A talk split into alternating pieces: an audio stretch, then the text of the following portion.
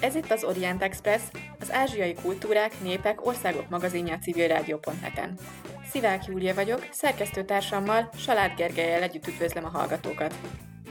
Ebben az adásban a vallás és biztonság kapcsolatáról, interdisziplináris kutatásának lehetőségeiről, valamint az ázsiai buddhizmus politikai jelentőségéről beszélgetünk.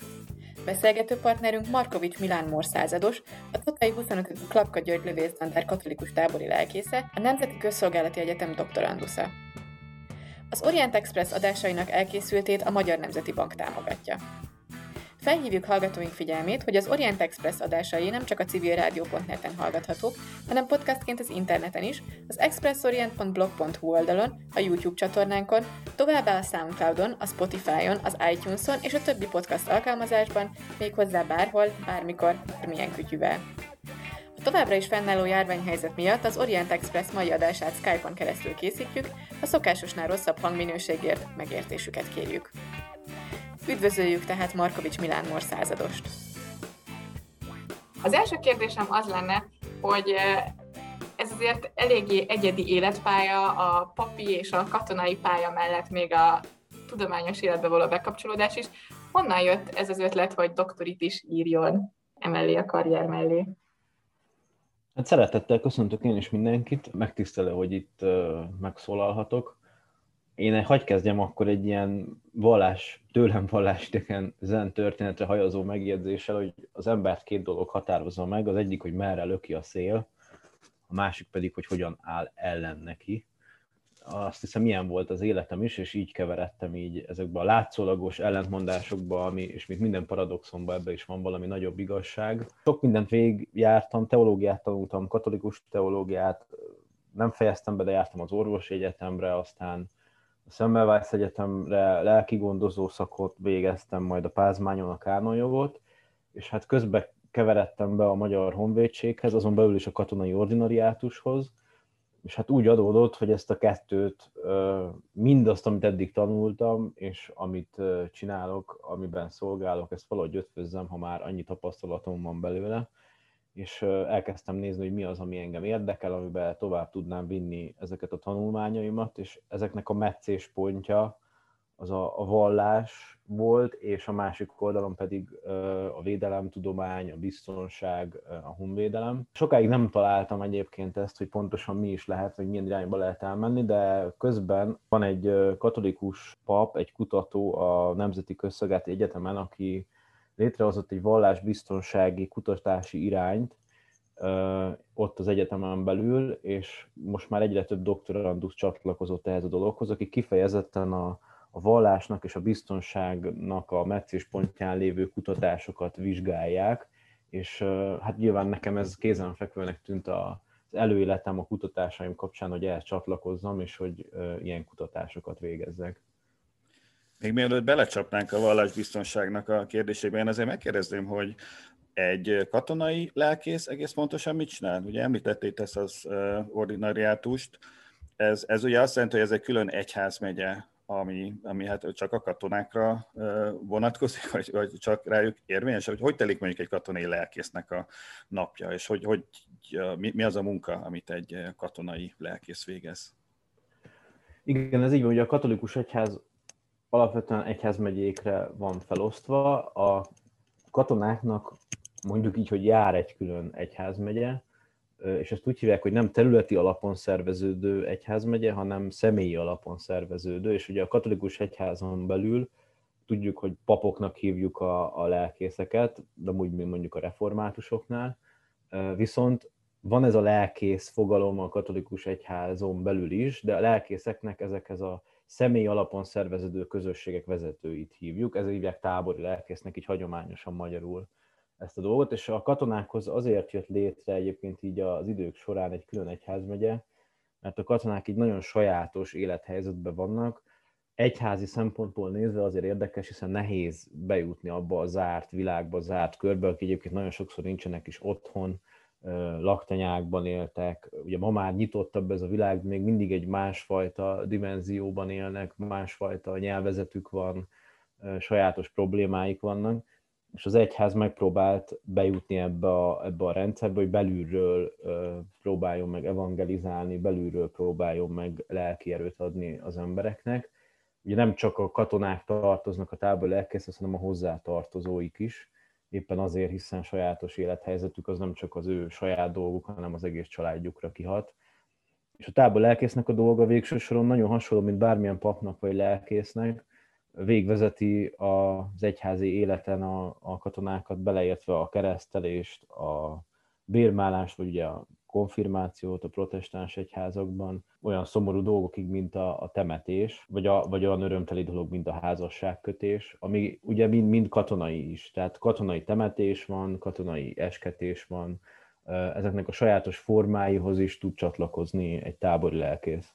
Tehát egy katonai világ az egy különleges világ, amiben az egyház különleges eszközöket és saját embereit küldi, mint egy ilyen missziót. És egyébként ez Magyarországon így a rendszerváltás óta van így, vagy előtte is voltak katonai lelkészek? Igazából Mária Terézia idejében alakult ki, és aztán a második világháborúban voltak a legtöbb létszámban, de azok is alapvetően tartalékos tábori lelkészek voltak, tehát ők ideiglenesen lettek behívva a háborúba, majd amikor jött a, rend, a kommunizmus, akkor szép lassan elsorvadt. Hivatalosan egyébként sosem szüntették meg, de leépítették, és eltűnt az összes tábori lelkész a rendszerből.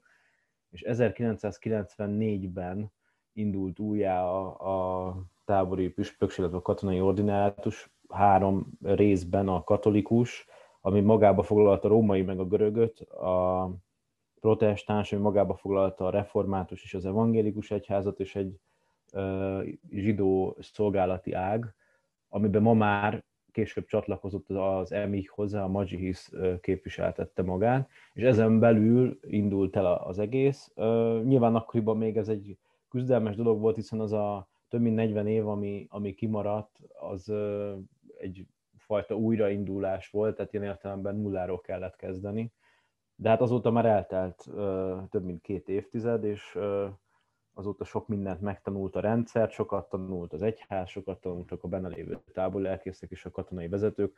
Azt tudom mondani, hogy nagyon-nagyon ideális a kapcsolat, tehát nagyon jól működnek már, nagyon jó olajozott lett a rendszer, hogy milyen kompetenciákkal, mibe lehet dolgozni, hogyan lehet együtt munkálkodni. Ön az ázsiai vallásbiztonsággal is foglalkozik a, a doktori tanulmányainak a kapcsán.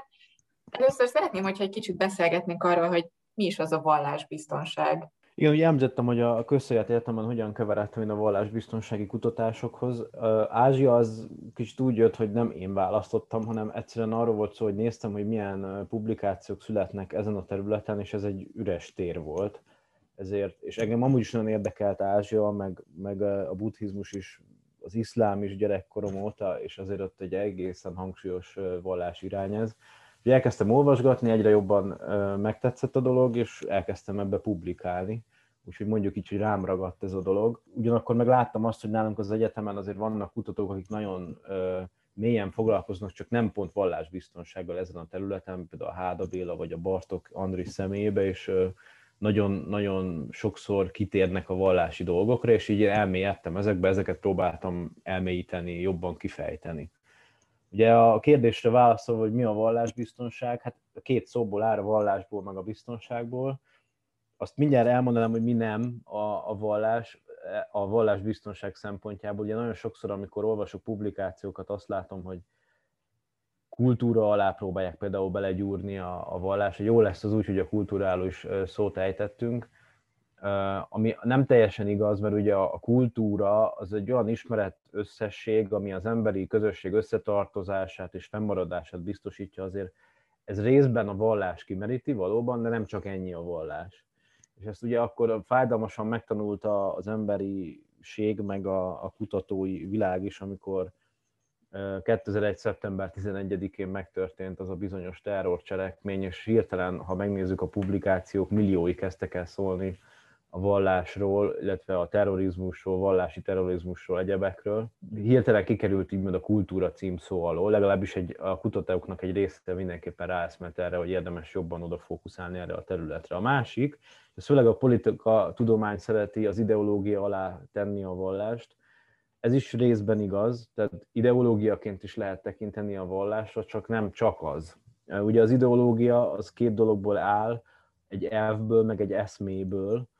Ugye az elv az inkább ok, az eszme pedig inkább cél. És a vallás azért egy kicsit több ennél, az ki, kinyúlik ebből, mert ugyan tény, hogy van morális jellege egy ideológiának, és ilyen szempontból a vallás is becsatlakozható ebbe, de hát egy vallás az nem csak egy morális valóság, vagy egy dimenzióban értelmezhető entitás. Egyébként a, a politikatudomány még, még amit nagyon szeret, és ezt publikációkban egyébként már nem csak politikai tudományokban, hanem nemzetközi tanulmányokban, biztonságtudományokban is látom, hogy szeretnek a jogi terminusokhoz nyúlni. Ugye most per pillanat Magyarországon például a 2011. évi 206. törvény szabályozza a vallásokkal kapcsolatos dolgokat, és ott egyébként szerintem nagyon jól, akik kodifikálták ezt a dolgot, nagyon jól megcsinálták, hogy nem a vallás definiálják, hanem a vallási tevékenységet, de sokszor látom visszajönni publikációkba, hogy, hogy mégis e szerint próbálják meg a vallást. A másik dolog, amit így azért érdemes megemlíteni még a vallásról, hogy maguk a vallások általában nem beszélnek vallásról. Tehát nincs a katolikus egyházban igazából értelme vallásról beszélni, egyházról beszélnek, a többi az különböző vallási közösségként lehet értelmezni, akik valamilyen Istenben, vagy valamilyen túlvilági transzcendens dologba hisznek. De nekem van egy saját vallás definícióm, és azért mondom ezt a sajátot, mert nem, hogy annyira szubjektív, vagy csak én találtam ki, hanem azért, mert nincsen egy egységes vallás definíciónk, és én ebbe beletettem azokat a kulcsszavakat, mint hogy most ilyen idegenül hangzik, de hogy transzcendens, metafizika a priori, ugye ezek mind azt jelentik, hogy valami a tapasztalat előtti vagy azon túli valósággal foglalkozó kutatásról beszélünk, hogy ebből levezetünk egy tanítást, egy doktrinát, és ezt kifejezzük egyénileg vagy csoportosan. Igazából én ezt tudom beletenni a vallásokba, és ez, ez a definíció nagyjából ki is lövi azt a problémát, amit mindig felmerül publikációkban is, hogy például a buddhizmus az most vallás vagy filozófia. Ebben a definícióban bőven belefér a buddhizmus, ami nem fér bele, de az fekete-fehéren ki is például a taoizmusnak a politikai vonala, míg annak a vallási vonala meg simán belefér. A másik dolog a biztonság, ha már vallás biztonság, szónak a második tagja, aki tanul biztonságpolitikát, az mindjárt egy latin szóval szokta kezdeni, az első órán el szokták mondani, hogy ez a securitas, securitatis feminimum szótári szóból ered, ami ugye a biztonságot jelent, és ugye ez két szóból tevődik össze a kúra és a színé latin kifejezésekből, ami lényegében szó szerint annyit jelent, hogy félelem nélkül élni. Tehát a vallás biztonság ugye valami olyasmi, ami a félelem nélküliségnek az elemzése a vallási szempontból, de hogy ezt egy kicsit másképp megközelítsem, egyben nézzük a vallás biztonságot, és ahogy Julia említette, ugye interdisziplináris kutatás ez valóban, ugye ez összeköti a biztonságpolitikát, a nemzetbiztonságot, a hadtudományt, a vallástudományt, a szociológiát is lehetne sorolni. Bár nagyon sokszor biztonságpolitikánál látom egyébként a nemzetközi publikációkban megjelenni, ami mint a biztonságpolitika ugye a béke megőrzését, a háború megakadályozását célozza meg stratégiák mentén. És van egy ilyen nagyon szép biztonságpolitikai szakkifejezés, hogy referens objektum, ami ugye lényegében arra utal, hogy mit is vizsgálunk, mi a tárgya ennek a biztonságnak, és ez alapvetően a modern időkben a nemzetállam lett, tehát államok közötti biztonságokat vizsgálunk, de ma már azért ezen túlléptünk, és nem idegen, ha ilyet hallunk, hogy vallás, víz, vagy kiberbiztonság. Ugye hát a kibertér, meg a, a kiberbiztonság az mindenki számára világos, hogy a számítástechnikában is már ott van a háború, a víz, mind a megélhetés és a vízért való harc, az valószínűleg ugye nem, már nem csak a jövő, hanem a jelen harcainak is a része, de ugyanígy elemezhetjük, vagy kiemelhetjük a vallást is, mint olyat, ami a kutatásnak a, a, a tárgya lehet. És ugye a vallás és biztonság, és ezt most hangsúlyozom, hogy így szeretem én is használni, hogy vallás és biztonság, mindjárt elmondom, hogy miért kutatása, ez pedig ugye azt vizsgálja, hogy a vallás milyen hatással bír a társadalomra és a válságövezetekre. Gondolok itt ilyenekre is, milyen aktualitásokra, mint például a migrációra, hogy hogyan változik Európa vallási, etnikai összetétele, vagy vizsgálni hadseregekben a jelenlétét, a fegyveres konfliktusokban, az egyház milyen célból, milyen hatással van mondjuk egy szervezetre, a katonákra, vagy az állami és egyházi szervezetek együttműködésére. Tehát összekapcsol vallást, teológiát, biztonságot, nemzetbiztonságot és jogi szempontokat. Ami, ami nagyon fontos a vallásbiztonság kapcsán, az, az a módszertana, mert egyébként kezd kialakulni a sajátos módszertana, ebben nem megyek bele nyilván most ilyen tudományos részletességgel, csak kiemelném a két nagy kategóriáját, ugyanis van egy nagy kategóriája, ami egy-egy vallásnak, vagy akár egy egyháznak a biztonságát tartja szem előtt. Én ezt általában egybe szoktam írni, hogy ez a vallásbiztonság. Ugye olyan ez, mint az idős gondozás, hogy mondjak egy példát, hogy ott nem írjuk külön, mert nem a gondozás az idős, hanem az időseket gondozzuk. Hát itt is nem a, a biztonság vallásos, hanem a vallásnak vagy az egyháznak a biztonságát vizsgáljuk.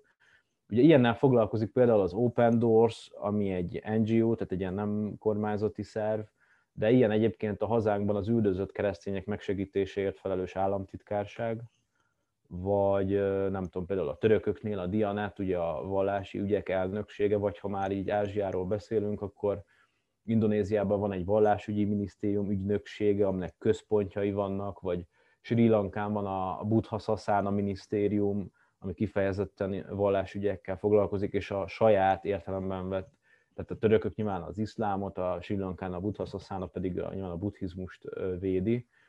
De van egy másik szempont, ami ettől akár függetleníthető is, és amit általában én külön hogy vallási biztonság, és ez az, ami a vallási elemet, a vallás és a vallásosság szerepét vizsgálja egy fegyveres konfliktusban, vagy tágabb értelemben ö, politikai biztonságot érintő esetekben. Ugye ez az előzőtől eltérően, tehát az előző kategóriától eltérően nem egy adott vallásnak vagy egyháznak a biztonságát tartja szem előtt, hanem úgy általában a biztonságban szerepet játszó vallást elemzi, figyeli meg, mint olyan elemet.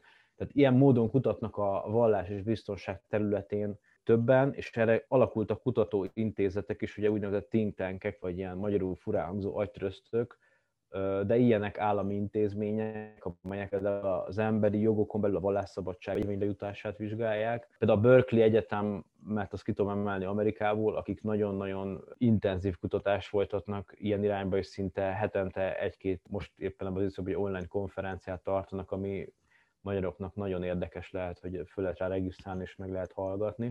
De ilyen például az USA-ban a Nemzetközi Vallásszabadság Szövetségi Kormány Bizottsága, és hát lehetne nagyon sokat sorolni, hogy mennyi minden tartozik ide.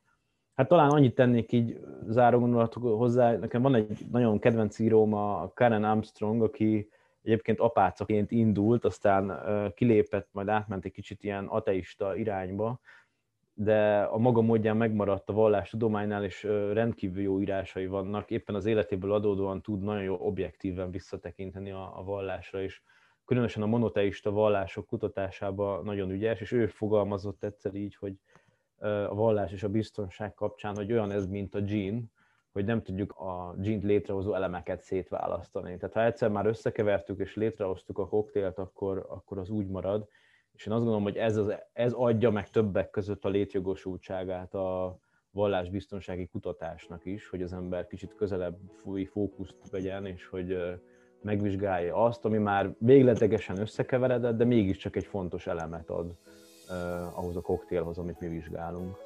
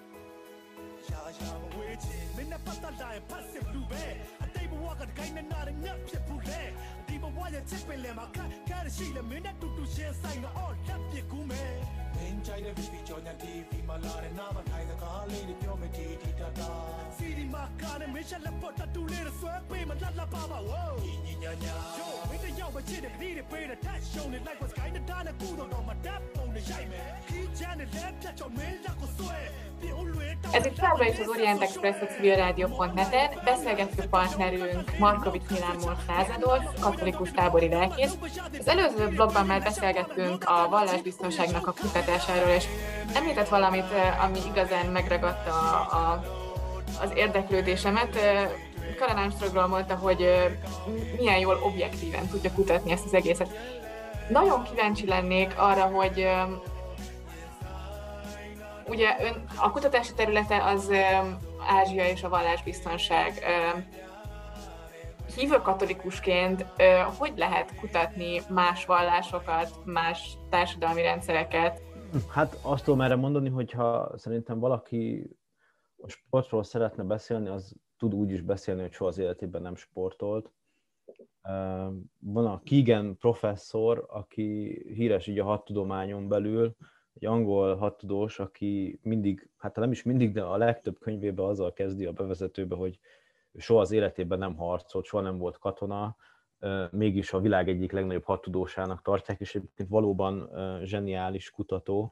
Tehát lehet vizsgálni valamit objektíve úgy is, hogy soha nem volt benne az ember, de lehet úgy is vizsgálni, hogy az ember benne volt, hiszen akkor van egy másik fajta tapasztalata, egy másik fajta iránya. Tehát van egy, van egy másik példával megvilágítva ezt a dolgot, a Virág Szabolcs a, most úgy fut az interneten, meg a zen buddhista körökbe, hogy Sunim apát, és ő neki a videó nagyon népszerűek most a Youtube-on, ő is egyszer megfogalmazta ezt, amikor megkérdezték tőle, hogy hát egy keresztény ember váltson-e mondjuk a zen buddhizmusra, hogyha neki az szimpatikus, vagy hogyan csinálja, vagy csinálja esetleg a kettőt egyszerre, és hát ő neki az volt a válasza erre, hogy nem, hát egyet válaszunk, és abban tartsunk, és ö, a szerint menjünk, mert ugye ez olyan, mint a nyelv. Tehát, hogyha van egy nyelvünk, azzal meg tudunk érteni másokat, ö, jobban tudunk kommunikálni, meg tudjuk érteni a világot, meg tudjuk értetni magunkat, és egyébként egy másik nyelvet is könnyebben megértünk. Mert hogyha megtanulunk egy nyelvtant, pláne egy hasonló nyelvet, mondjuk egy germán nyelveket, ha veszünk, ha valaki tud németül, az könnyen megtanul angolul is. Ha valaki tud franciául, az könnyebben megtanul spanyolul. Aki tud olaszul, az könnyebben megtanul latinul. Tehát, hogy valójában az, hogy valaki tartozik egy vallási közösségbe, az jelenthet egyfajta elvakultságot, ez, ez így van, de ő, ha kellő nyitottsággal rendelkezik, akkor pedig egy olyan tapasztalati alapot is adhat, ami lehet egy, köve, egy alapja annak, hogy egy közös nyelvet beszéljen más valakivel, vagy hogy könnyebben megértsen valamit, amit egyébként kívülről objektíve körbe lehet írni, csak nem ugyanaz a tapasztalat. És ezért igazából akár segítség is lehet az számára, hogy, hogy egy ilyen kutatást végezzen. Menjünk közelebb a mai beszélgetésnek a fő témájához, tulajdonképpen az ázsiai vallásbiztonsághoz. Mik a fő vallás biztonsági törésvonalak Ázsiában? Mit kell tudnunk Ázsiáról és a vallásbiztonságról? Hogyha kezdtetek egy ilyen általános kérdéssel. Igen, nekem itt a Ázsiával kapcsolatban, ha már így beszélgettünk a, a katolicizmusról is, Ferenc pápa jutott eszembe, hogy mostanában nagy híre volt, hogy a történetben először járt pápa Irakban, és hogy nem is az iraki jelenlét, hanem úgy általában neki a keleti nyitás kapcsán, hiszen van egy ilyen fajta irányvonal a katolikus egyházba, neki van egy kulcs szava, amin mind a mai napig gondolkodom. 2013-ban fogalmazta meg először, hogy, hogy folyamatokban kell gondolkodni, és ezek a folyamatok jönnek el aztán egészen a, a Kínával való megegyezésig, ugye a Szentszék és a, a kínai ö, népköztársaság között. Szóval Ázsiában nagyon jól látható egy folyamat, és szerintem ez egy nagyon, tényleg egy nagyon lényeges fogalom itt Ázsiában, ha a vallásbiztonságról beszélünk, ahogy kialakul, a gyarmati világról beszélünk, ahogy először is elszakadnak, függetlenednek a nyugattól, hát el nem szakadnak, de a függetlenési folyamat elindul, majd kialakul ugye a függetlenés után egy szekuláris világ, ez nagyon megfigyelt a történelemben, főleg a második világháború időszakban, és mondjuk így, hogy Lubickolnak a nemzetállamiság szabadságában egy ideig, majd elkezdenek egy identitáskeresést befognak, amelybe vissza-vissza fordulnak az ősi hagyományaikhoz, és ezt meg lehet látni minden egyes területen, hogy más mondja például itt Indonéziában ugye létrehozzák a Páncsá Szilát, ami egy szekuláris elv lenne, még akkor is, hogyha úgy kezdődik az első pontja, hogy hit Istenben, amit aztán az iszlám nyomásra átírnak hit egy Istenbeire, vagy, vagy ha veszük Indiát, akkor ott vannak a Gandiék, ugye hát a Mahatma Gandhi, meg a tőle független család, az Indira és a Rajiv Gandiék, akik inkább bármennyire is vallásosnak tűnőek, hát főleg a Mahatma Gandhi, de hát Indira Gandhi meg Rajiv Gandhi inkább volt egy pragmatikus politikus sem, mint vallásos. Majd ma, ha megnézzük a mai indiai politikát, azért Módi elnökségére minden mondható, csak az nem, hogy szekuláris, tehát ő ízig-vérig hindu politikát folytat, vagy Sri Lankát mondanám még példának, ahol a Bandaranaike család volt. Hát majd esetleg a szóba kerül később elmesélem, hogy miért is annyira lényeges, de hogy ők alapvetően még szekuláris módon politizálnak, majd a Rajapaksa család, aki ma viszi a sri lankai politikát, ők pedig egyértelműen buddhista politizálást folytatnak a, a szigeten. Ez, ez, ez határozza meg Ázsiát, különösen az Ázsiának ez a területét, és ez nyilván konfliktusokat termel. Jól lehet, én nem szeretem, amikor ráhúzzák a, a vallásra a háborúskodást, érzelmi állapotként szerintem nagyon jó, nyilván így gondolhatjuk, csak éppen ez kutatások nem támasztják alá. Egyébként pont a Guardian-nél olvastam a napokban éppen Karen Armstrongról, akit már emlegettem, egy ö, nagyszerű cikket erről, aki a Karen Armstrong nem vádolható nagyon vallás imádattal, ahogy mondtam, és mégis megvédi, hogy ez teljesen nem támasztják alá a kutatások.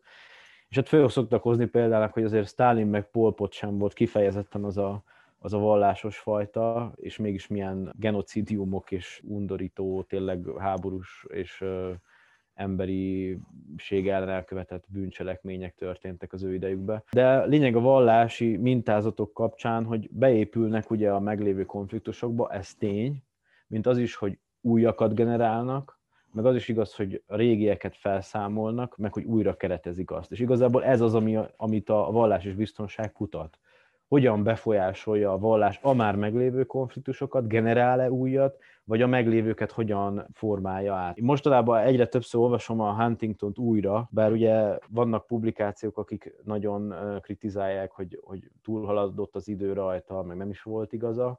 Azért, hogyha megnézzük a Huntingtoni térképet, én azt mondom, a maga idejében egyértelműen nagyon jó előrejelzést adott. Ma lehet nagyon kritizálni, de amit ő elmondott, az tulajdonképpen nem több, mint a vér és föld elve. Ugye azt szokták mondani, hogy dolog, amiből általában az emberek konfliktust csinálnak, a vérbe aztán beletartozik a kultúra, az etnikum, de még a vallás is.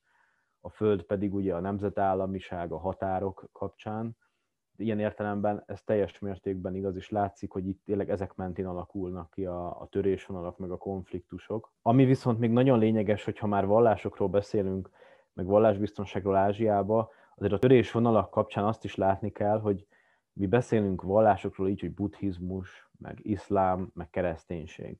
De, de ezek gyűjtő fogalmak, vagy akár a hinduizmus. Tehát igazából nincs olyan, hogy, hogy valaki buddhista, valaki iszlám, valaki keresztény. Ez lehet, hogy ö, ilyen szubkultúrát szólítok meg ezzel a példával, de ha valaki azt mondja, hogy én, én harcművészettel foglalkozom, az még igazából nem mond semmit, sőt, az se azt mondja valaki, hogy karatézok, mert meg szoktam kérdezni, oké, okay, hogy karatézol, de azon belül mi? Kyokushin karate? Vagy Shotokan karate? Tehát hogy egyáltalán nem mindegy, mert másképp tartják a kezüket, másképp ütnek, másképp védekeznek, stb. Tehát a vallásban is ez van, hogy a buddhizmuson belül sincs egységes buddhizmus, teljesen más egy tibeti buddhizmus, egészen más egy téraváda buddhizmus, az iszlámon belül is tudjuk jó, hogy van a szunita, meg a síta ág, egészen más, és ugye ezt a fajta heterogén helyzetet egyébként föl is használják a konfliktusban, tehát nem mondok, talán nem túlzok, és nem egyszerűsítem túlságosan le, azt mondom, hogy ez a, a nyugatnak a nagy divide et imperája, tehát hogy megosztja igazából a vallásokon keresztül a különböző csoportokat, és a, a közel-keleten ezt nagyon jól látjuk, ahogy a szunitákat és a sítákat összeugrasztják egymásnak, hogy nehogy kialakuljon egy egységes erő ott, de ez meglátható Ázsiának különböző területein is, ahol azért a törésvonalak ugyanígy létrejönnek, nem csak a különböző vallásokon belül, hanem akár azon, azon belül is. Tehát nagyon nem mindegy, hogy mondjuk Indiában a katolicizmusról beszélünk, vagy egy protestáns irányú kereszténységről, vagy ahogy az előbb mondtam, hogy egészen más mondjuk a milyen mári térevád a buddhizmus, meg megint más a tibeti, sőt, tovább megyek, azt is látni kell, hogy például Myanmarban a buddhizmus sem igazán tiszta térevád a buddhizmus, hanem ott keveredik a már meglévő korábbi, például törzsi kultuszokkal, ott volt a nat kultusz, vagy nem tudom, Indonéziát emlegettem, például Indonéziával kapcsolatban is érdemes tudni, hogy ott is megkülönböztetik a heterodox, szinkretista, tehát már, már az ottani korábbi vallásos hitnek a keveredését az iszlámmal, ami, és az ortodox iszlámot, ami egyébként ott nagyon a szúfi iszlámmal keveredett valami, és egy modernista iszlámtól is meg kell különböztetni, ami pedig a mai egyébként a tiszta, főleg szunita iszlámhoz visszatérőket határozza meg. Tehát az a helyzet, hogy amikor valaki belekóstol egy picit a vallás biztonságba, és elkezdi látni és elemezni ezeket a, a, a vallásokat, nem tudja nagyon megúszni, hogy ne súlyedjen mélyebbre ezekbe a dolgokba. Jó lehet, a, a nagy képen nem nagyon változtat, de mégis adott esetben egyáltalán nem mindegy, hogy azon belül mit látunk. Happy aja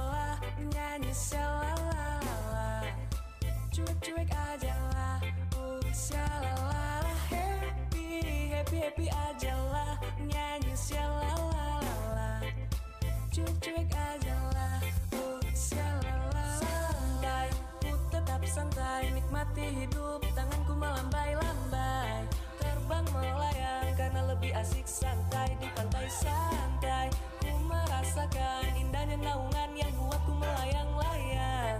Untuk lupakan sejenak masalah dunia ku hilang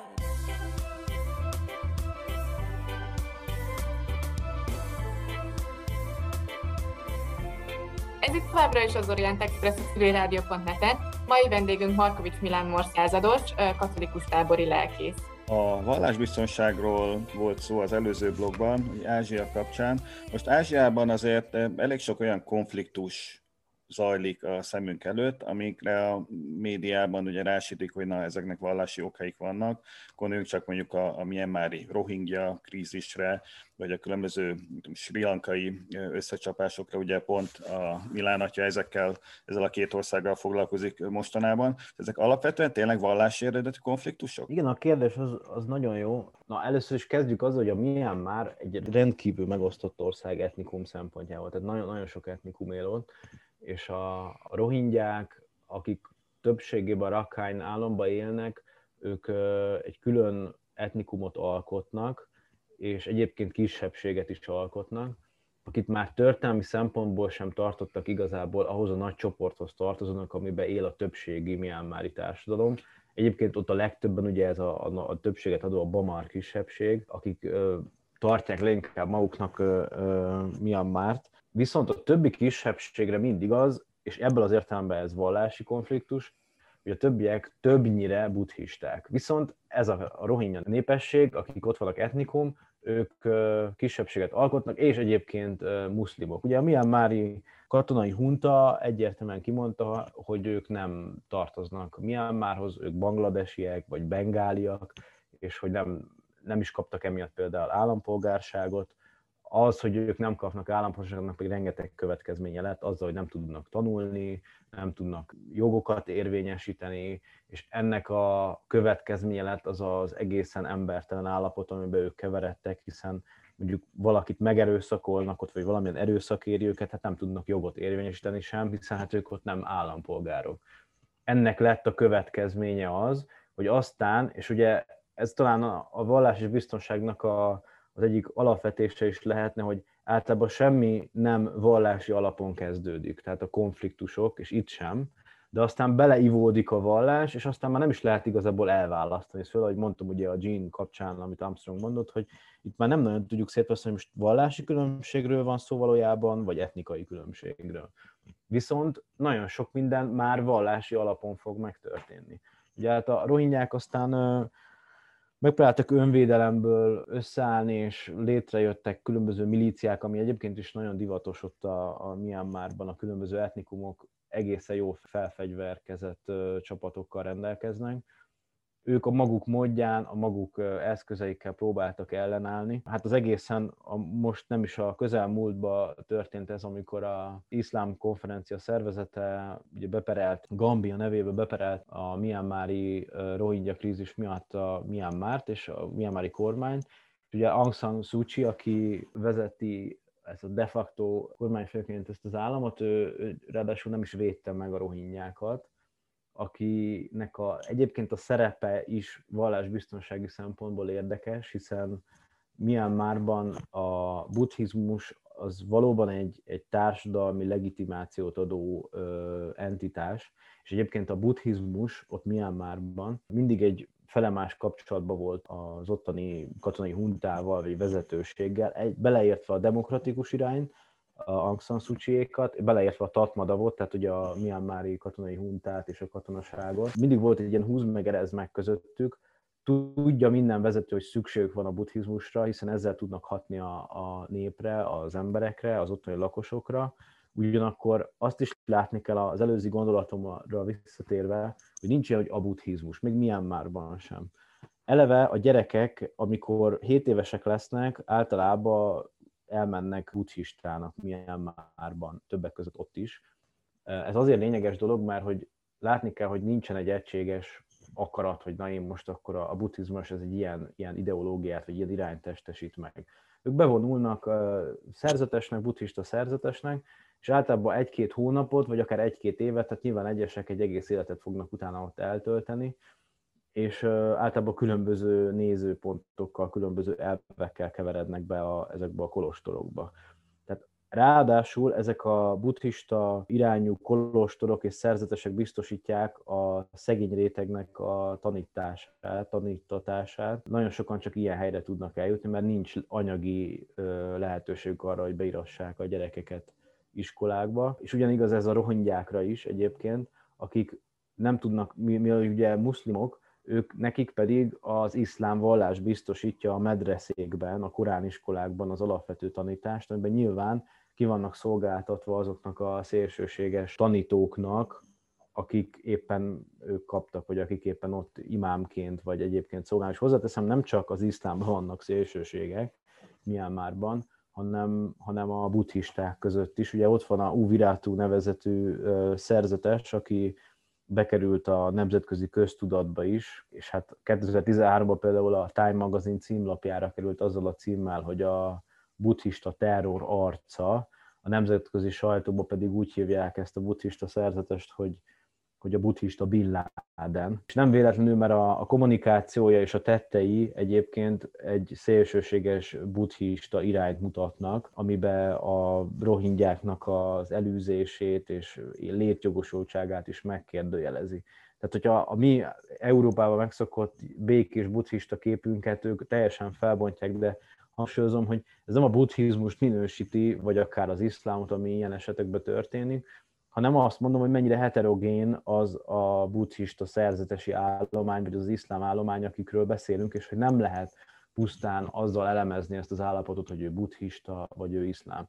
Tehát összefoglalva egy a kérdésre a választ, azt mondom, hogy, hogy nem, alapvetően nagyon ritkák a, a vallási alapú konfliktusok, ha egyáltalán lehet beszélni arról szintisztán, hogy bárhol, valahol van a vallási konfliktus, de a legtöbb konfliktusban, ahol beleivódik a vallás, utólag nagyon nehéz leválasztani belőle, és éppen ezért szerintem nagyon szükséges, hogy elemezzük is, hogy miért került bele, és milyen formában hat a konfliktusra. Akkor meg is kérdezném, hogy például mondjuk milyen már esetében milyen formában hat a vallásra a konfliktusra, hogy jó, tehát ugye általánosságban milyen márban, amit kiemelnék, hogy, hogy a vallási extrémizmus kapcsán Létrejöttek olyan szervezetek, mint a Mabata, vagy a 969 Movement, tehát ez a 969 Movement, amit az előbb említett Úvirátú buddhista szerzetes nevéhez kötnek, és kifejezetten egy szélsőséges, radikális buddhista irányvonalat képvisel. Hozzáteszem, hogy az előbb említettem, kialakult egy másik buddhista közösség is, akik az Aung San Suu Kyi féle irányvonalat képviselek, és most, ami éppen aktuálisan zajlik Myanmarban, a, amit hát pucsnak nevezhetünk, vagy, vagy akárhogy címkézzük is, de ami most ott történik, felkelés, az, az valójában egy, egy megosztó dolog a buddhisták részéről, hiszen valaki beáll a, a tüntetésbe, és a demokrácia mellett teszi le a voksát, valaki pedig a, hadsereg mellett teszi le a voksát. Ez többek között a mavat a, a movementnek a szerzetesei. Az, hogy még hogyan jelenik meg a vallás így a, a konfliktusokban, ugye ez a másik, ez a rohingya krízis, amiket már, már említettem korábban, és amit uh, számon is kértek már a, a Myanmari vezetésen, hogy ők hogyan foglalkoznak a, tehát a milyen már hogyan bánik mondjuk így a, a, az iszlámmal, milyen, milyen ö, ö, szabályokat hoznak, milyen formában rendezik az ott élők helyzetét.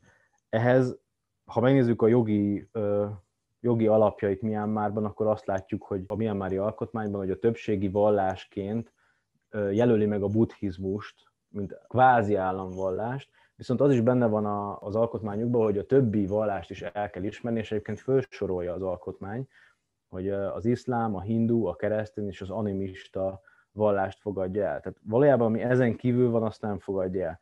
Nagy kérdés, hogyha ott van az iszlám, akkor hogyan nem tudnak sokkal toleránsabbak lenni velük, de hát ezt állandóan a kommunikációban, ha megnézzük, mindig kifejezik, hogy nekik nem az iszlámmal van bajuk, nekik nem a, a muszlimokkal van bajuk, hanem azzal a politikai helyzettel, amit ők mindig is állítottak, hogy a, a Rekhány térség, az Arakán térség, amiben élnek a rohingyák, az nem, nem az az etnikum, aki ott eredetleg ott volt, és hogy a, ebből a népségből, akik nem muszlimok, azok eleve ott éltek ebbe a térségbe. Tehát az nem PC dolog, hogy, hogy arról beszéljünk ma, hogy valami vallási alapú. Részben ez is hat kitalálnak kutatásokra, hogy nem annyira szeretünk foglalkozni, meg kutatni vallásbiztonsággal, hanem inkább beszélünk politikumról, meg, meg szabályokról, és ilyesmiről. Tehát alapvetően ilyen dolgokban jelenik meg, és nagyon nehéz elemezni az ottani helyzetet e, pont ebből adódóan, amit mondtam. Egyébként egy érdekességet még ezzel kapcsolatban megemlítenék, hogy amikor a Aung San Suu Kyi, aki ugye nem lehetett valójában kormányfő a 2008-as alkotmány miatt, ugye beleszúrták azt, hogy hogyha valakinek külföldön élő rokona van, akkor ő nem lehet kormányfő. Egyébként ő neki ahhoz, hogy ő államtanácsos címet kapjon, ami ez egy ilyen kvázi kormányfői helyet kapott, azt egy muszlim jogtudósnak köszönheti, akinek azután, hogy Ukoni. Érdekes egy történet volt ezzel kapcsolatban, hogy Assan Sucsi, amikor temették Ukonit, akit egyébként megöltek, báig nem lehet tudni pontosan, hogy mennyire, de valószínűleg egy, egy kifejezetten egy ilyen vallásellenes bűncselekménynek az áldozata volt ez a muszlim jogtudós, akkor az Assan Sucsi el sem ment a temetésére, és még csak nem is küldött egy üdvözlőlapot, hogy, hogy, vagy hát egy részvétnyilvántással kapcsolatos a családnak, ami nagyon sok kérdést vett föl, mert ugye Aung San Suu Kyi egyrészt megtette ezt, másrészt a buddhisták nagyon kritikusak egyébként Aung San Suu főleg ezek, akik a, a uviratú mögé állnak. A harmadik pedig az is érdekes, hogy a Myanmari konfliktus kapcsán, amikor a Gambia az iszlám együttműködés szervezetében, vagy, vagy konferencia szervezetében beperelte Myanmart, akkor Aung San Suu Kyi nem igazán állt ki az ottani muszlimok mellett, a rohingyák mellett, hanem majd, hogy nem igazolni akarta azt, hogy igen, nincs nekik helyük ebben az országban. Szóval nagyon átjárja a politikumot, nagyon átjárja a mindennapi életet és a mindennapi cselekményeket, és az ember egészen mélyre megy, a részleteket kezdő el vizsgálni, akkor jönnek elő olyan dolgok, amik lehet egyébként, hogy több kérdést tesznek föl aztán az embernek, mint amennyi választ adnak, de átjárja a vallást, azért az egyértelműen kijelenthető.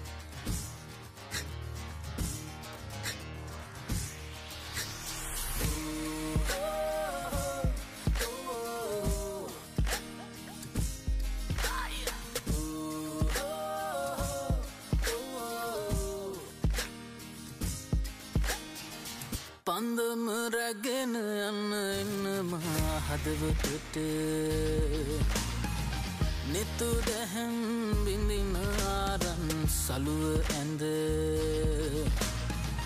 ලිය තඹර ලෙලවාහර මඩලට. දෙන්න වැනිකේ මගේ පපුුවට කින්දර.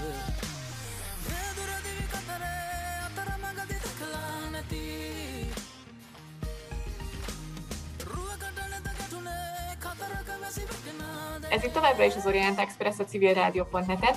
Mai vendégünk Markovic Milán Mór, a Klapka György Lövészember katolikus tábori lelkésze, a Közszolgálati Egyetem doktorandusza.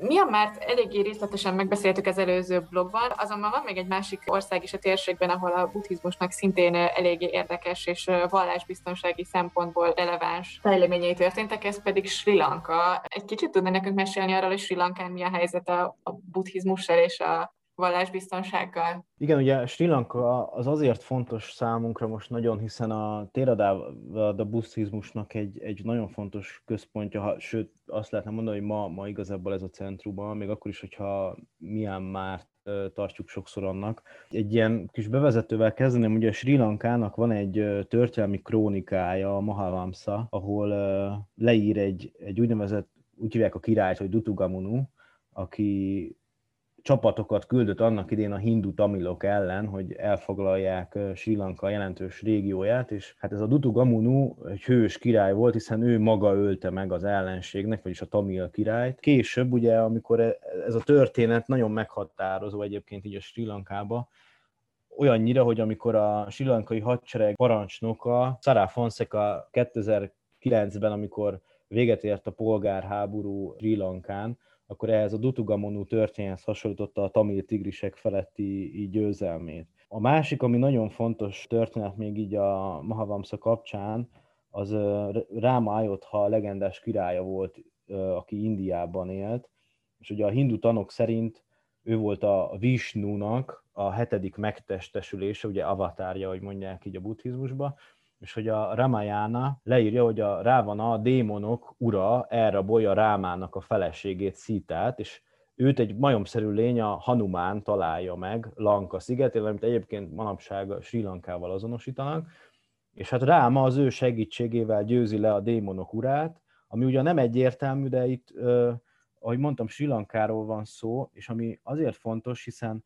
újra és újra visszakerülnek ezek az eposzok és ezek a történetek a mai politikai beszédben. Ennek egy nagyon fontos eleme az, hogy amikor megválasztották az új miniszterelnököt és elnököt, ugye ez a, már emlegettem a Rajapaksa családot, akik visszakeveredtek a hatalomba, és azért mondom, hogy vissza, mert amikor legyőzték a tamil tigriseket, akkor már Mahinda Rajapaksa volt az elnök, aki most miniszterelnök lett 2020-ba, előtte évben pedig, 2019-ben pedig az ő testvére lett az elnöke Sri Lankán, tehát gyakorlatilag egy testvérpár uralja most a, a szigetet, és ami nagyon érdekes, az elnök, amikor beiktatásra került, akkor az egész szigetországnak a buddhista központjában, Arudharapurában történt ez az beiktatás, és ott is a buddhista templomnak a területén, ami egy óriási jel egyébként, és egy szimbólum annak, hogy ő hogyan próbálja regnálni Sri Lankát. Ráadásul korábbi polgárháborús katonai vezetőket állította politikai pozíciókba, Ebből például kiemelném a Kamal Gunaratnét, akinek van egy angol nyelven el lehet olvasni a könyvét a polgárháborúról, aki azért fontos így vallásbiztonsági szempontból, mert az elnök, a mostani elnök, ugye a Gotabaya Rajapaksa létrehozott különböző munkacsoportokat, például létrehozott egy ilyen keleti tartomány, azt hiszem azon, hogy régészeti örökségének kezelésével foglalkozó elnöki munkacsoport, és hogy ez a, ez a munkacsoport látszólag egy kulturális munkacsoport, valójában pedig a buddhista szerzetesek a tagjai, és többek között ez a Kamal Gunaratne is, aki védelmi titkára lett egyben az országnak, és nagyon sok írás, egyébként nem is annyira publikációkban találtam ezt meg, hanem egy kifejezetten jó kutatási forrás tud lenni ilyenkor a, a Twitter, vagy egyéb ilyen közösségi oldalak, fórumok, helyiek írnak, sri lankaiak arról, hogy hát egyre többször látják azt, hogy az iszlám kulturális örökséget meghatározó területeket elhanyagolják, ugyanakkor meg a buddhista területeket pedig építik, és odafigyelnek rájuk. Tehát, hogy látszólag nem tesznek igazából ugye az iszlám ellen semmit, valójában viszont elhanyagolják. Több olyan közösségi fórumban, fórumban látom azt, hogy írnak a, az emberek arról, hogy hát elhanyagolják az iszlám kulturális örökséggel kapcsolatos területeket, vagy vallási helyszíneket, és a buddhistára figyelnek jobban oda Ugye ez ilyen szempontból még a, a kulturális örökséggel kapcsolatos, ma már a biztonságpolitikában fontos területet elfoglaló helyjel is kapcsolatba lehet hozni a, a vallás biztonságot. Ugye volt 2019-ben a Nemzeti Egyisten hitű szervezet, terrorszervezetnek a bomba merénylete, akik az ISIS-hoz, az iszlám államhoz kötődtek, és ugye ez a fajta terrorcselekmény legalább három templomot érintett.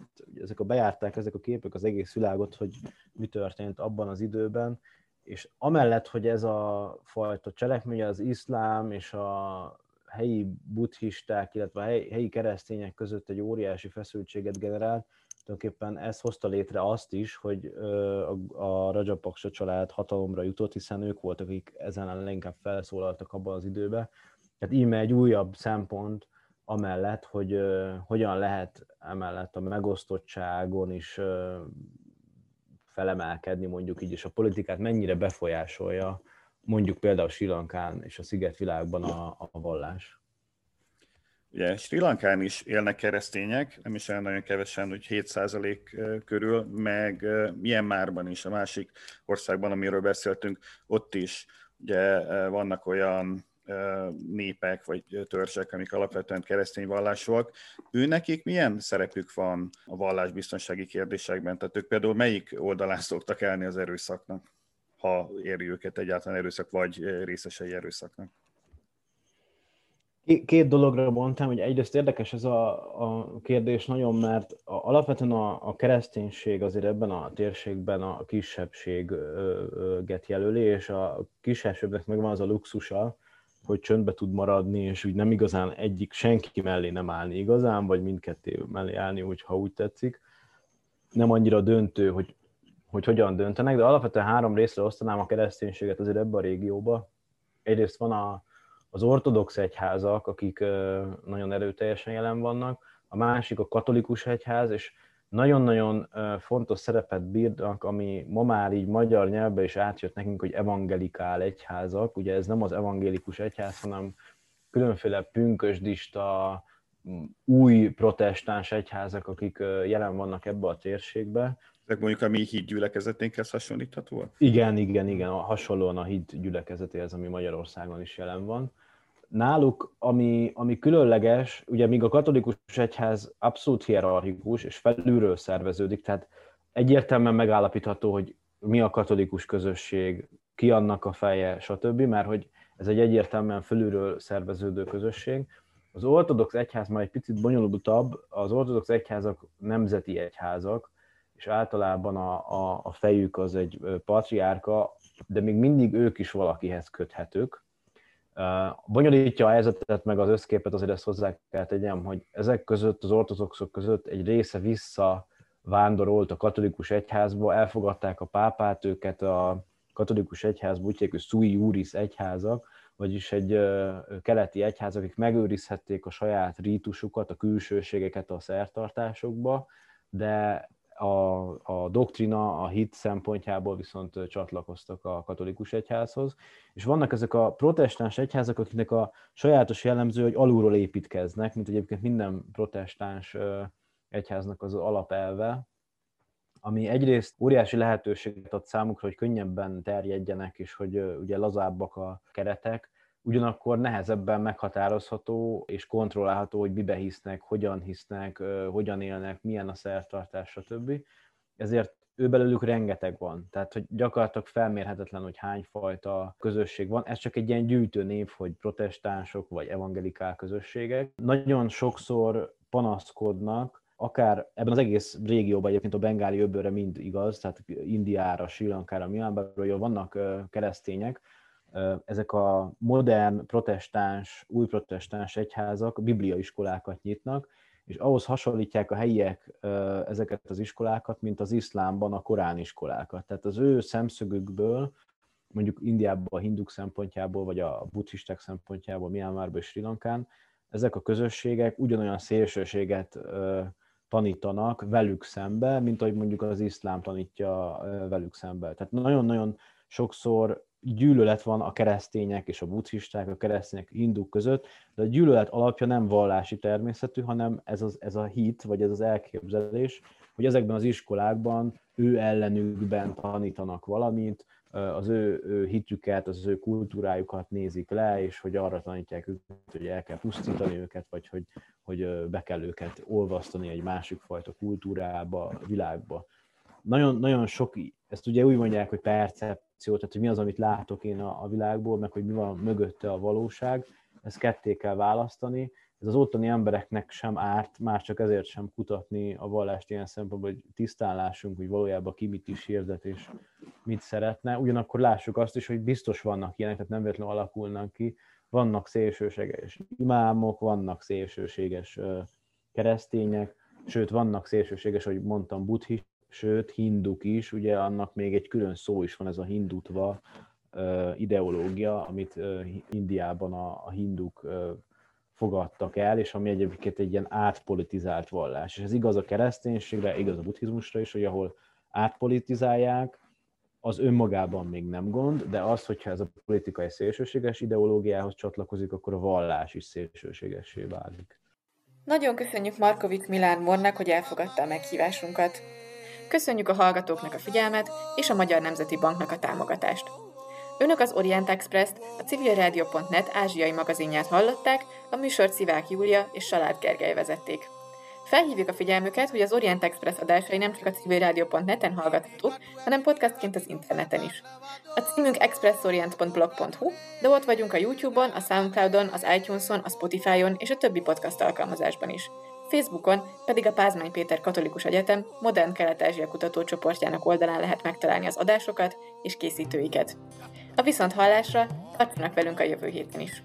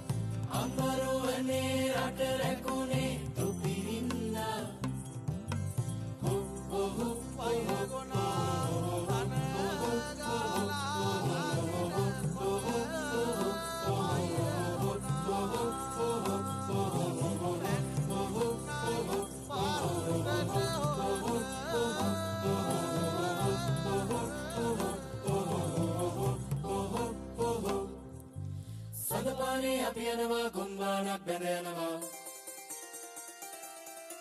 Saslandı, saslandı, sandı pani, abi yanıma. Sandı pani, abi yanıma. Bir gibi